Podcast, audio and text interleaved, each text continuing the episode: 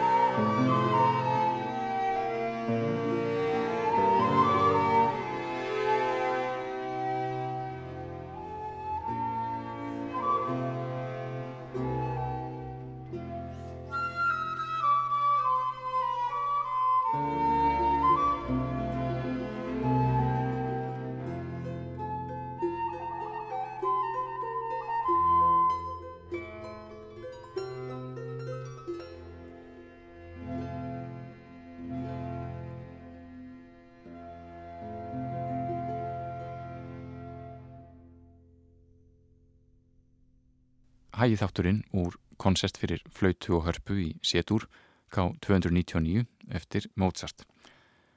Sumarið 1778 urðu til í París tvö óvenjulega dramatísk verk, Þyrlusónata í Emól og Pianosónata í Amól, fyrstu tvær sónutunar sem Mozart samti í Mól. Ekki er vitað nákvæmlega hvenar þessi verk urðu til, hvort það var áður eða eftir að móðir Mozarts, Anna Maria, andaðist í París í júli sama ár. Það getur verið varasamt að gera ráð fyrir beinum orsakatengslum milli lífslaups og tónsköpunar á átjönduöld en í þessum verkum gefur ólgan og dramatíkin til kynna að miklar og sterkar tilfinningar búið að baki. Kanski voru það veikindi og andlát móðurinnar sem íttu Mozart út á þessa óvæntu braut í tónlistinni. Kanski var það fjárveran frá henni heitt elskuðu Aloysiu Weber, söngkununni í Mannheim sem hann hafði fallið fyrir skömmu áður. Sónatan í Emol K304 fyrir piano og fyrlu er fyrsta meistaraverk Mozarts fyrir þessa samsetningu hljóðfæra. Fyrlusónutur voru á setni hluta átjöndu aldar oftast nær fremur einföld og tilþrifa lítil verk en hér skapar Mozart áhrifamikla og innihaldsríka tónsmíð. Yfirbræðið er oftast dögt og tregablandið en í setnikablanum byrstir til um stundarsakir. Þá hljómar eins konar sálmalag sem er eins og insýn í betri heim, mildur sólargeisli að afloknu þrumuveðri. Þættirnir eru tveir, Allegro og Tempo di Menuetto. Hér er það Rachel Potser sem leikur á fylgu og Gary Cooper leikur á fortepiano eftirgerð af hljóðfæri smíðuðu í Vínarborg árið 1795.